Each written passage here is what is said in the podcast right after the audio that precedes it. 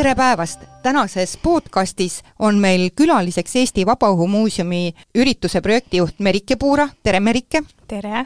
ja lõimumise ja sotsiaalse programmide juht Einike Sooväli, tere Einike! tere! ja te olete sellepärast meil stuudios, et me räägime leivast, leivapäevast, aga muidugi kõige rohkem sellest, et sügisel septembris tuleb meil Eesti toidukuu ja selle raames on teil hulk ägedaid üritusi, on see nii? jaa, vastab tõele. kui teil tuleks iseloomustada Eesti Vabaõhumuuseumi, siis milliste märksõnade või tegevuste järgi saab muuseumit kirjeldada? Saab kirjeldada selle järgi, et seal on võimalik kogeda omal nahal, et kuidas siis elasid vanad eestlased, kui ast-, askeetlikud olid need elutingimused, et missugustes väga-väga lihtsates tingimustes tuli ellu jääda, et kõigepealt näeb neid rehemaju, mis siis on ehitatud veel päris orjuse ajal, kus siis tõesti kivipõranda peal pisikesed beebid paterdasid ringi, võib-olla oli seal kanakakat või midagi sellist ka veel, sellepärast et ei elatud sellises puhtuses nagu tänapäeval ja ja tegelikult kogu see elu oligi üks suur ellujäämiskursus. ja siis saab seal niimoodi edasi minna, näha, kui, missugune oli elu siis Eesti Vabariigi ajal, et see elu oli selline ilus ja õitsev ja inimesed tundsid tohutut uhkust oma rahvuse üle ja lõpus näeb siis ka kolhoosi kortermaja, kus on siis õnneks ka üks täitsa kaasaja korter. nii et seal saab tõesti kogeda ajas rännata, näha siis, milline see elu oli ja tunda ennast justkui ühe osana sellest äh, vanast elust, et, et ma arvan, et nii on hästi lihtne äh, õppida tundma oma esivanemaid ja saada aru, miks meie oleme just selliseks kujunenud, nagu me oleme. Jaa, see juurte teadmine on tegelikult hästi oluline. Jaa, ja loomulikult see, see imeline looduskeskkond, mis meil seal on, nii metsloomad kui ka meie siis koduloomad, kes taludes pesitsevad ja elavad, et seda ei saa muidugi ka jätta mainimata ma veel tahtsin kohe algusel, kui me lähme nende ürituste juurde ja vaatame rohkem et sisse, et mida siis mõni toit on meile tähendanud. Einike, mis, millega tegeleb lõimumise ja sotsiaalse programmide juhi igapäevane töö?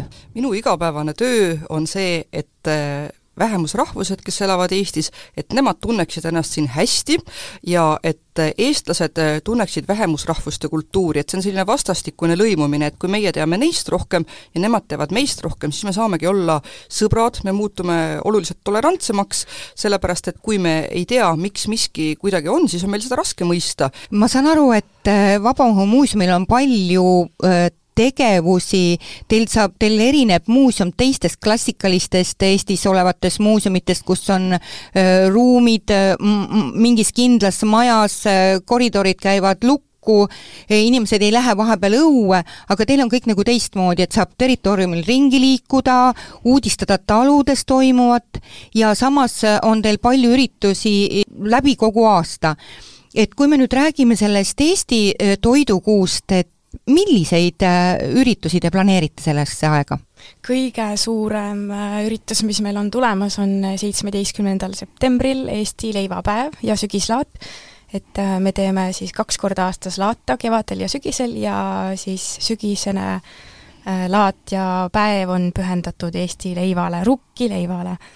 miks te olete just selle rukkileiva välja äh, valinud, võiks ju olla hoopis näiteks nagu kalatoidud, räägitakse, et eestlane sai hästi kõvasti silku ja, ja noh, hiljem oli see kartul, mis tuli. alustame siis näiteks sellest, kui alguses ei olnud üldse rukkijahu, siis me meie esivanemad sõid odrajahust toite ja siis tuli rukis, mis on ikkagi väga pikalt olnud Eesti rahva söögilaual leiva kujul, igasuguste körtide, putrude, muude asjade kujul, et see jahu on pikalt olnud meil mm. -hmm. aga ma mõtlen ise, et kui muidugi, et leib ongi üks osa sellest pärandkultuuri toitudest ja aga mis sinna alla veel kuuluvad, et noh, ma tean, et on küll selle jahukordi ja silgu peal, aga mm, eestlane oli kindlasti vanasti ka sama nutikas, mida, mida ta veel nagu suhu pani? no kõige need vanemad, kui me räägime näiteks köögiviljadest, siis või mi-, mitte teraviljadest, olid ikkagi herned, oad, siis oli naeris, läätsed, mida tänapäeval keegi enam naljalt ei kasvata, sest nende puhastamine on nii tüütu, aga tegelikult vana eestlane sõi väga palju läätsesid. kas see on kuskilt Saksamaalt sisse toodud või kuidas see läätsed nagu meile tuli? Me oleme selle vahepeal nagu ära unustanud. seda ma kahjuks ei oska öelda, kust ta tuli, sest ma ei ole väga suur aianduse spetsialist, aga tegelikult meil saab siis eh, tulla ka lihtsalt tutvuda taluaedadega, sest absoluutselt iga talu juurde kuulub ka oma aed. Ja seal on siis just nimelt need põllukultuurid ja need lilled, mida siis vastava talu ajal kasvatati Eestis, et näiteks eh, Eesti-aegse talu juures, Härjapea talu juures, seal on juba väga peeneid asju, sparglid on juba sõstrapõõsad ja ja kõik selline, aga siis seal eh, päris orjusaegse talu juures, Sassianju talu juures, seal saab näiteks näha, kuidas siis kasvatati tubakat ja siis, mida muidugi ka eestlased väga-väga palju tarbisid, oli kanep. ja noh, praegu muidugi kõik tulevad ja arvavad, et sealt saab kindlasti korraliku kaifi kätte ja meil on seda kanepit ka sealt ikkagi välja juuritud, aga tegelikult oli kanepiõli see, mis siis tegelikult eestlasi hoidis elusana, sellepärast et see annab terved küüned, terved hambad, terved juuksed, sest seda õli oli väga vaja ja loomset rasva ju kogu aeg ei saanud tarbida, sest loomi lihtsalt ei olnud nii palju, et saaks neid kogu aeg tappa ja liha süüa, nii et see kanep oli see, mis siis tegelikult see söögikanep, õlikanep, see oli üks väga-väga väärtuslik asi ja tõesti, lähetasid kasvatati ka palju. kanepitemp näiteks, et see olidki siis need kanepiseemned, mis siis eh, kas siis noh, võis ära röstida, ei pruukinud, aga need siis äh, niimoodi tambiti katki ja tegelikult nad on sellise mõnusa pähklise maitsega, et need kanepiseemned on imehead tegelikult. kas nad on nagu natuke nagu mooniseemnete moodi või? Nad on oluliselt suuremad ja nad on sellised mõnusad krõmpsud, et noh, leiva sisse tänapäeval pannakse ka päris tihti neid kanepiseemneid, et, et mina alati ostangi just kanepiseemnetega, niisugune krõmps, krõmps, krõmps käib siis, kui sööd. aga nad siis sõid seda nagu krõbistasid eraldi nad siis? Nad panid putrude peale jaa, et, et ta on niisugune hästi õline, tampisid ära selle seal kausis, kanepitamp või kanepitemp öeldi selle kohta, ja siis pandi putrude peale, isegi leiva peale võis panna, et noh, lihtsalt niisama söömiseks ta oli võib-olla liiga rasvane, aga, aga paljude toitude juurde pandi seda, jah. aga eestlasel oli siis nagu võimekust ja teadmist seda õli ise välja pressida või kuidas seda õli saadi? ta ei pressinud õli välja, ta sõigi seda seemnetega koos jaa, et, et see, selle seemne sees ongi see õli ja siis niimoodi pandigi putrude peale ja, ja see maitses kõikidele tegelikult, ta tõesti on väga maitsev. Aga miks üldse peaks nagu oma söögikultuuri juuri rohkem teadma või tundma? Mina arvan, et see on asi, mis välistab igasugused allergiad mitte igasugused ja mitte kõik, aga lihtsalt, et et ma arvan, et iga rahva jaoks on ikkagi see toit, mida on seal ajalooliselt kasvatatud, kõige õigem toit, et näiteks kui mina sööksin makarone mitu kuud järjest, nagu Itaalias süüakse pastat, siis ma ilmselt kaaluksin varsti kolmsada kilo ja, ja, ja siis sureksin seedehäirete kätte. aga et, et kuna eestlasele see rukkis ikkagi sobib, et kui ma olen pikemalt kuskil reisil olnud ja, ja seda rukkileiba ikkagi üldse ei söö, siis ma tegelikult tunnengi ennast halvasti. ja noh, kilu järele tuleb ikkagi isu, hapukapsa järele tuleb isu.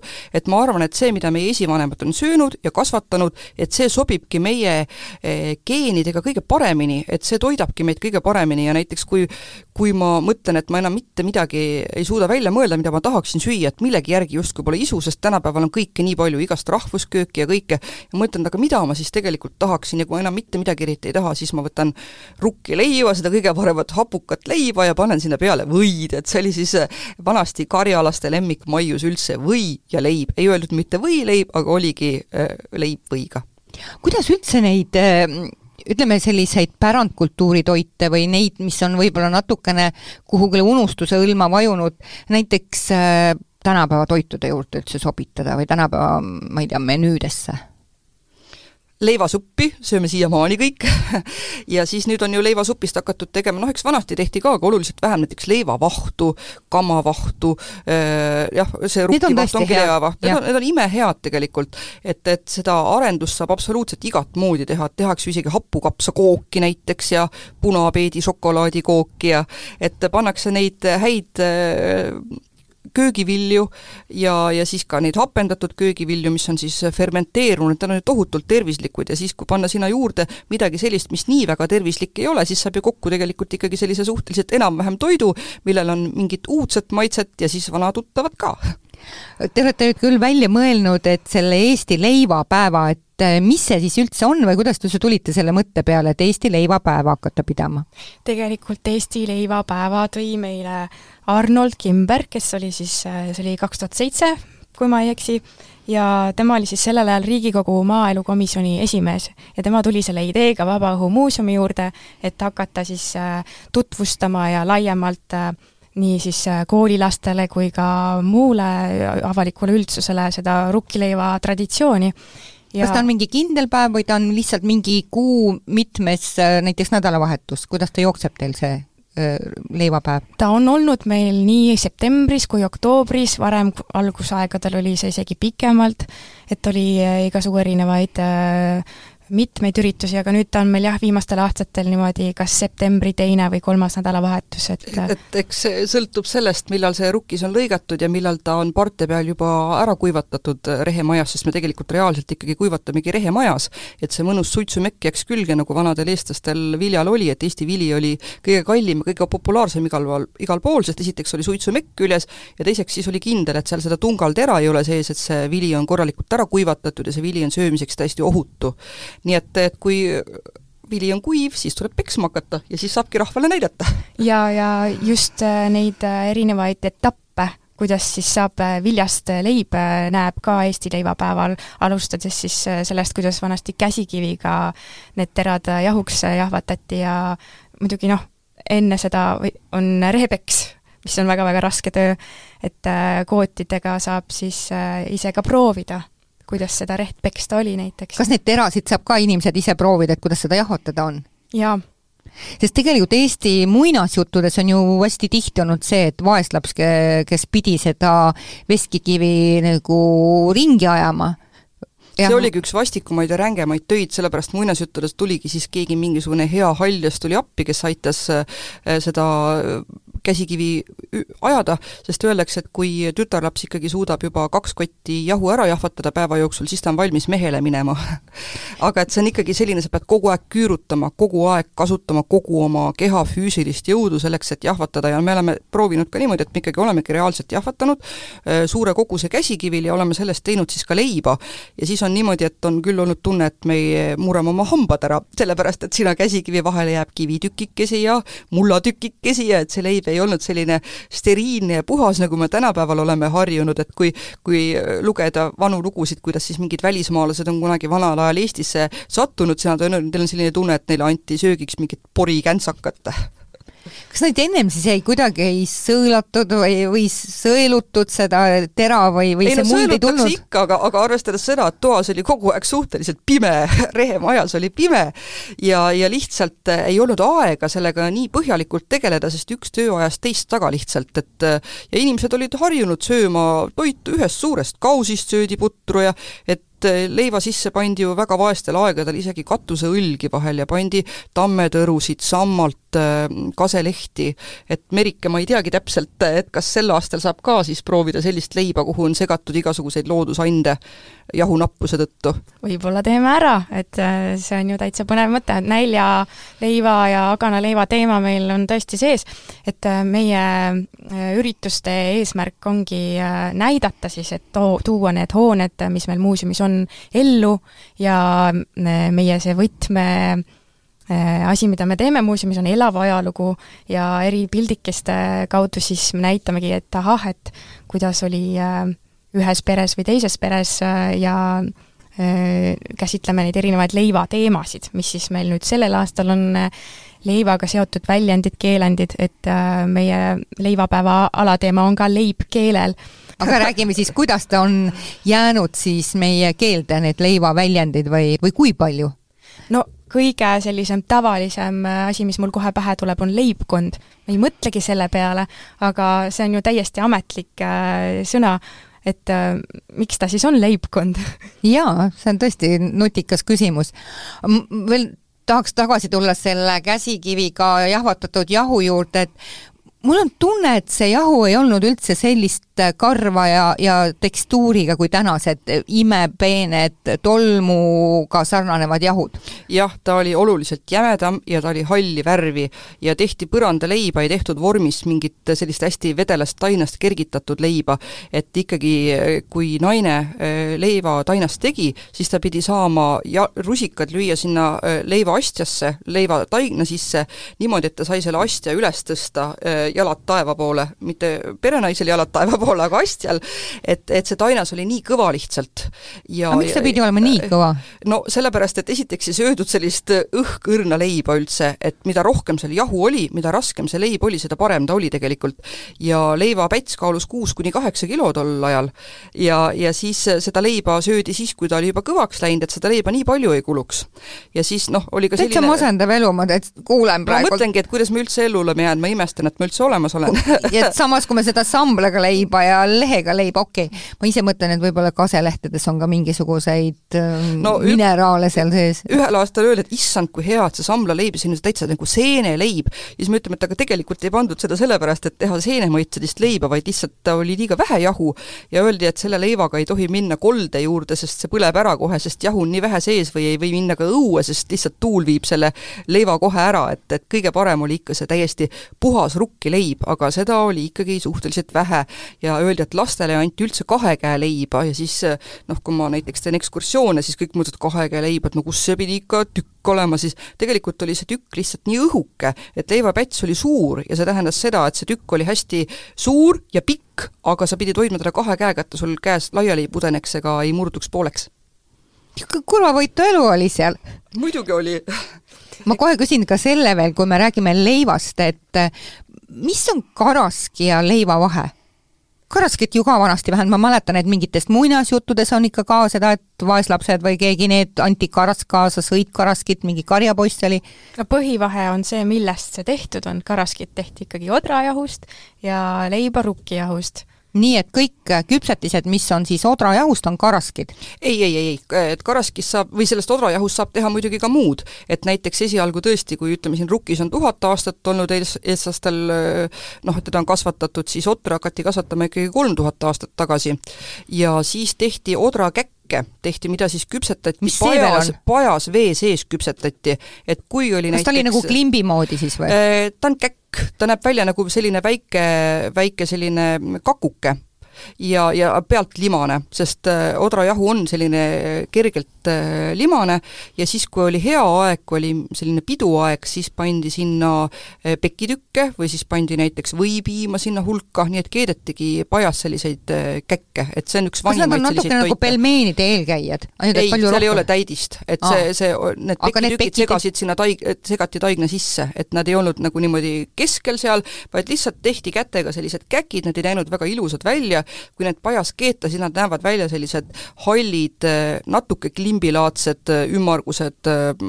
aga ma saan aru, et nad olid ikkagi toitvad jälle? jaa, loomulikult, neid väga armastati ja näiteks kui sai sinna kõrvale võtta hapupiima veel, et noh, siis see oli imehea. ja kes tahab, saab siis näha, millised need käkid välja näevad meil Pulga talus, tehakse odrakäkke seitsmeteistkümnendal septembril Vau, nii et kõik kuulajad, tulge imestage, proo-, kas siis saab ka neid ise proovida, süüa? vot seda ma ei julge lubada hetkel. et kui on väga palju uudistajaid. ja, ja kes üldse julgeb proovida, et, et me oleme seal igasuguseid neid vanu toite ikka teinud, et ühel aastal meil siis terve see meie kontorimaja oli sellist hapukat lehka täis ja see tähendas seda, et me lihtsalt kääritasime hapurokka oma seal kontorihoones, et see oli ikka selline nagu silmad läksid märjaks natuke sellest lõhnast ja siis tegime veel kartulikilet ja hernekilet ja kaerakilet ja siis mõni ütles, et mmm, kui hea, aga mõni ütles, issand jumal, et midagi nii jälki pole nad enne söönud. et, et eks need maitsed olid hoopis teistsugused, sellepärast et ei olnud ju mingisuguseid maitseaineid, mida panna hulka. oli sool, mida pandi, isegi suhkrut ju ei olnud. et, et need maitsed olid ikkagi suhteliselt järsud tänapäeva inimesele, sellepärast neid kohandataksegi siis igat moodi.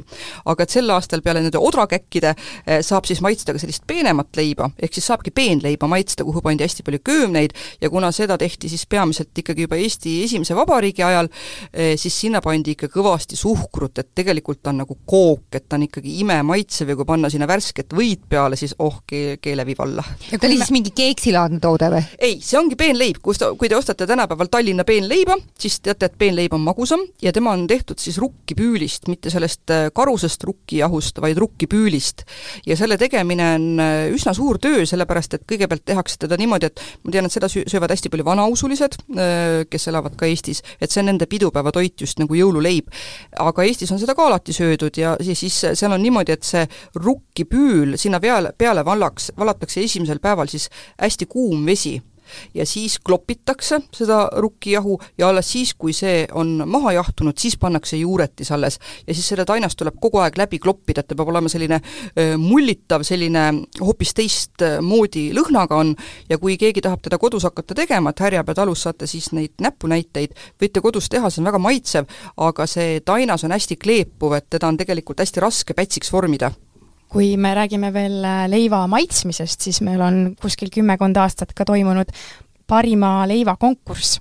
et äh, igaüks, äh, kes siis äh, müüb äh, laadal leiba või äh, küpsetab kodus leiba, saab tuua siis oma leiva konkursile. ka seitsmeteistkümnendal või? just, just täpselt sellel samal päeval kolukõrtsi ja siis äh, külastajad valivad oma lemmikuleiva. targem oleks siis, ma saan aru, mitu pätsi kaasa võtta ja seda lõigata siis tükkideks no ja. palju siis ühest pätsist jagub? jaa, jaa, et see on meil ka eh, konkursi reegel, et vähemalt kolm pätsi eh, peab tooma siis, et eh, jätkuks terveks päevaks maitsjatele. jaa, ja Merike kui ürituse korraldaja siis vahel toob meile peale seda üritust neid leibasid maitsta ka ja need on lihtsalt imehead, et need on kõik üks parem kui teine, mina näiteks ei oskakski valida nende hulgast, milline see kõige parem on. sest tänapäeval tehakse nii põnevaid, et on äh, igasuguste lihadega, on olnud šokolaadileibasid, et äh, ma, mind täitsa noh, ootan põnevusega, et äh, mis selle aasta sinna konkursile tuleb. jaa, on ju teada, et iga talu perenaine tegi selle leiva ikkagi natukene oma kuidagi talu eripärast või, või ma ei tea, ikkagi, et igalühel oli natukene teistsuguse maitsega. mida sinna leivasse siis praegusel ajal võiks panna? Praegusel ajal võib ükskõik mida panna, võib pähkleid panna, võib rosinaid panna, eh, võib panna üldse erinevaid puuvilju, võib panna kas või ma ei tea, barbarissi või no mid-, mida iganes, pannakse ju neid koriandriseemneid ja aga vanasti koosnes leib ikkagi rukkijahust, veest, juuretisest ja soolast, nii et tegelikult leiva sisse muud ei olnudki vaja panna. ma saan aru, et oli ikkagi väga askeetlik elu? jaa, muidugi oli, aga see oli ainus viis ellujäämiseks ega no, nad ju ei teadnud paremini, et see toit, mis neil oli, oli väga üksluine, igal äh, laupäeval pudrupäev ja nii ja, elati. supipäevad ja siis pandi pudrule midagi juurde või supile midagi juurde, nii et et ikkagi mitu päeva söödi ühte ja sama toitu, aga elu läks paremaks, et kui me vaatamegi Eesti Vabariigi aega, siis söödi selliseid äh, maitsetaimi, äh, selliseid vürtse, mida me tänapäeval tegelikult, Nõukogude aeg suretas nad välja, et sparglit enam keegi kodus eriti ei kasvata.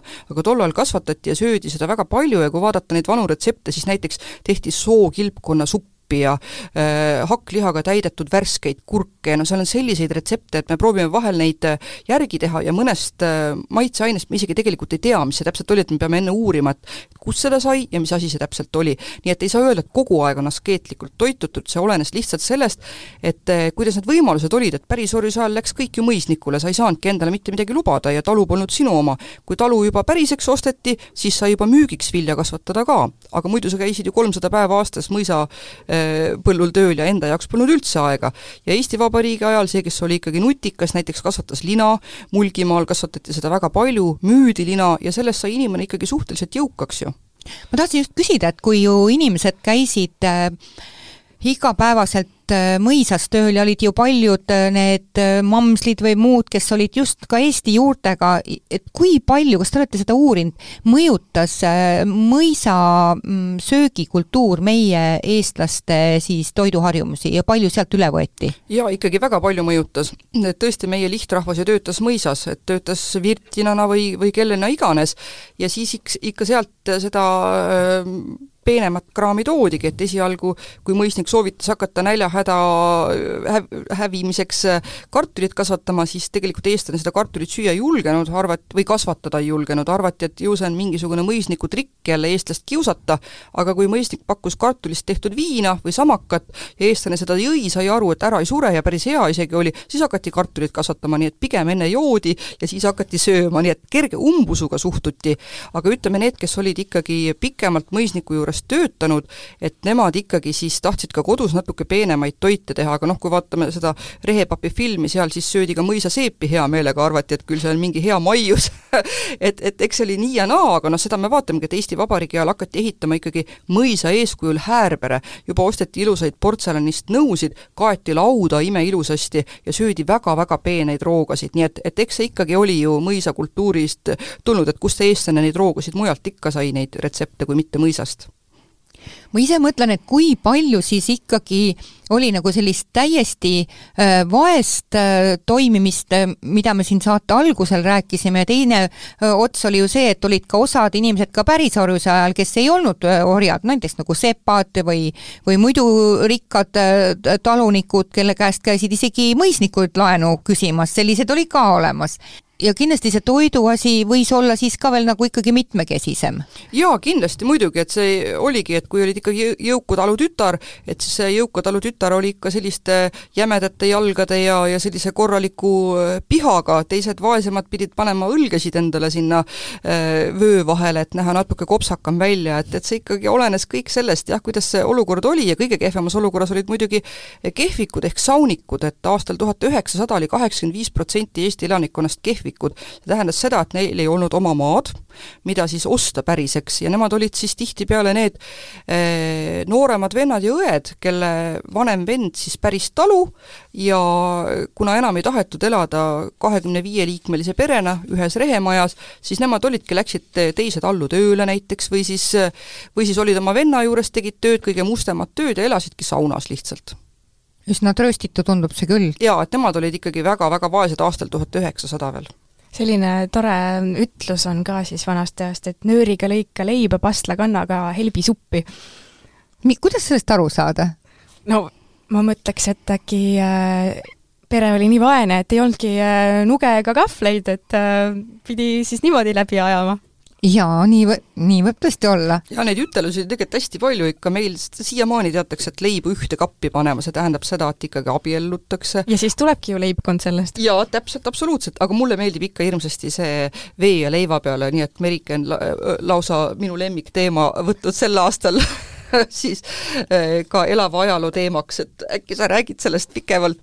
jaa, meil Kuie koolimajja siis tuleb eh, kartser et äh, pandi vee ja leiva peale, ehk siis äh, kuskile puuri, et kui äh, näiteks ei tahtnud koolilaps vanemad koolilast panna kooli, et oli vaja, et ikka tööd teeks talus ja karjas käiks, siis teinekord ei ol-, jäädud sellega rahule ja siis pandi see lapsevanem kartserisse vee ja leiva peale, et karistada jah, et ei ole midagi, lapsed peavad ikka hariduse saama ja noh, algul küll kirjutati trahv välja, aga kui raha trahvi maksta ei olnud, siis pandigi puuri lihtsalt, nii et mina hakkan seal puuris siis rõõmsalt istuma, no mitte väga rõõmsalt, aga ega ma vist väga rahul oma olukorraga ei ole.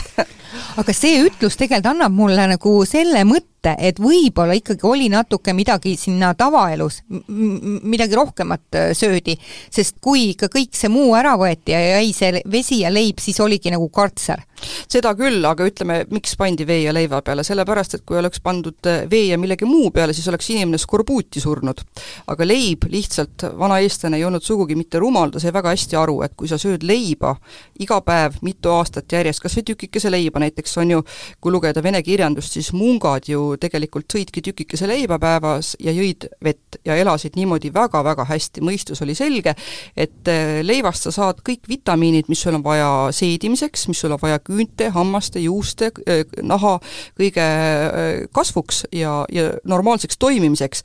et, et sellepärast siis arvust-, arvet-, arvestatigi välja, et vesi ja leib hoiab inimese kenasti elusana, aga kui sa sööd ainult aasta aega saia, lihtsalt suredki hästi kiiresti ära ja tegelikult muu oli ikkagi see leivakõrvane, leib oli tegelikult ikka see kõige maitsvam ja parem asi, mida söödi. et kõik oleksid hea meelega söönud kõhu värskest heast leivast täis, aga see leib lasti kõvaks, et seda saaks kauem mäluda ja kõht oleks kauem täis sellest.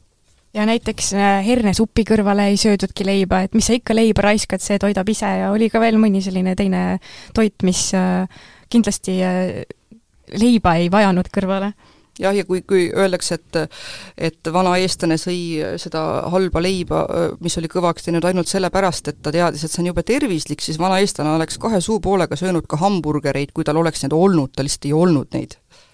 aga mida, milliste toitude tegemist saab veel muuseumi töötubades õppida?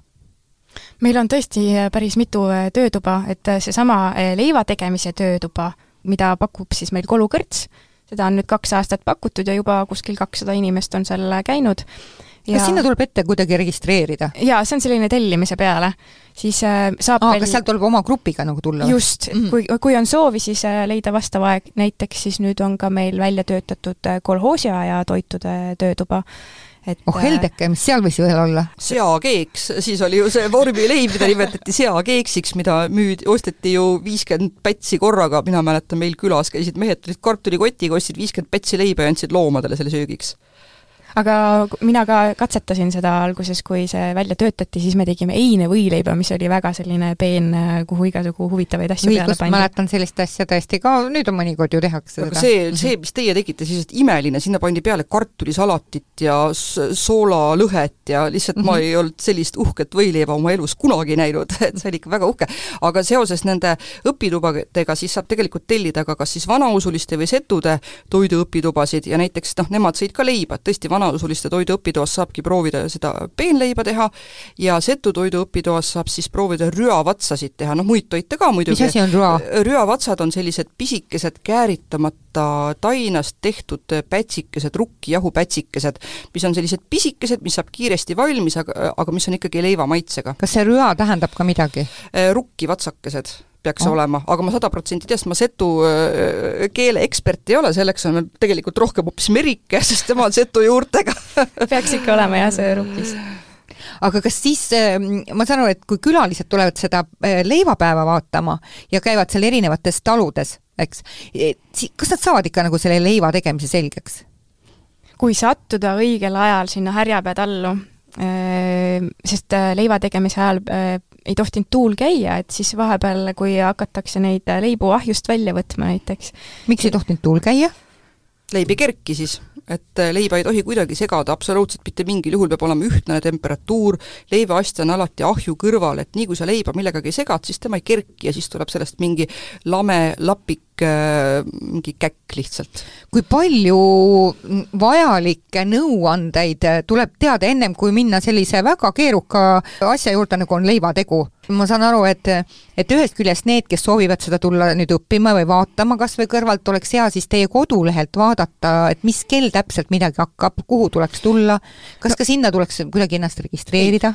avalikel üritustel meil äh, ongi see no terve ürituslaat algab meil kella kümnest juba ja siis üheteistkümnest neljani, et see on selline protsess, et no kes väga tahab näha, siis ta tuleb hommikul kell üksteist härjapetallu ja päev otsa istub seal, et ja tegelikult on, võtab ju kaua aega. jaa, võtab ja, ja tegelikult on kõige parem variant, et kui sa seda kõike ei näe oma silmaga, siis perenaised on ju parimad eksperdid. et nii, kui sul mingi küsimus tekib e, ja midagi sa ei jõudnud võib-olla vaadata, et siis kohe küsidki, et see on kõige parem asi üldse, et, et küsida, milline see e, kergitamise protsess välja näeb ja, ja mil-, mida pärast selle leivaga teha, kui ahjust välja, kuidas teada saada, kas ta on nüüd küps, et seda ei saa ühestki retseptist retseptist lugeda, seda on kõige parem küsida perenaise käest. kuulan praegult seda, et kui ta niimoodi tunde kestab, siis mul, minul läheb näiteks kõht tühjaks ja mis ma siis sellisel juhul nagu teie juures teen, kui mul on vahepeal läheb kõht tühjaks? no siis saab tulla ju kolukõrtsi, meil on kolukõrtsis äh, imelised äh, road.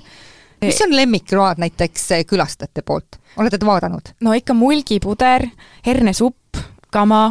kamavaht. kamavaht ja siis ka ütleme, mulgikapsad ka samamoodi, et kui minul käivad välismaalased, siis mina ütlen ka alati, et võtke ikka mulgiputru, siis te saate kõige paremini aru, mida see eestlane siis vanasti sõi, et see ei ole küll mingi kõige arhailisem roog, aga tõesti, kui seal pakutakse hapurokka, siis keegi lihtsalt ei sööks seda ja siis muidugi ka vastavalt hooajale, et kui meil on ikka vastlapäev, siis me pakume seajalgu, need on väga intrigeerivad. mina, mina ootan ja mina kuulsin, et Merikese põlvkond, tema minust natuke noorem, et tema, nemad ei olegi seajala fännid enamasti, et neile ei meeldi seda huvitav äh, küll, miks? ma ei tea, miks talle ei meeldi seda kleepuvat seajalga järada, nii et terve nägu on rasvaga koos. mina ootan pikisilmi vastlapäeva ja ma jumaldan neid seajalgu ja seda, seda pekki ja kamarat, mis seal on, see on nii hea.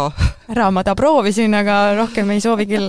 aga, ja siis näiteks lihavõttele on see passa, mis on väga populaarne, et äh, seda ka ikkagi tellitakse ja, ja Kolukõrtsil on meil ka nüüd näiteks e-pood olemas, et äh, kõiki neid mõnusaid roogasid saab ka oma kodus äh, süüa ja tellida siis Kolukõrtsist. ja, ja Kolukõrts teeb ka ise leiba ja nad on ja saab kaasa osta ja, mm -hmm. ja nad on võitnud ka minu teada meil selle leivakonkursi millalgi, et nad tegelikult, oli üks krõbe leib paar aastat tagasi, mis võitis kohe kindlasti, et nad tegelikult ka ise katsetavad tihti ja kulukõrtsist saab ka siis juuretist osta.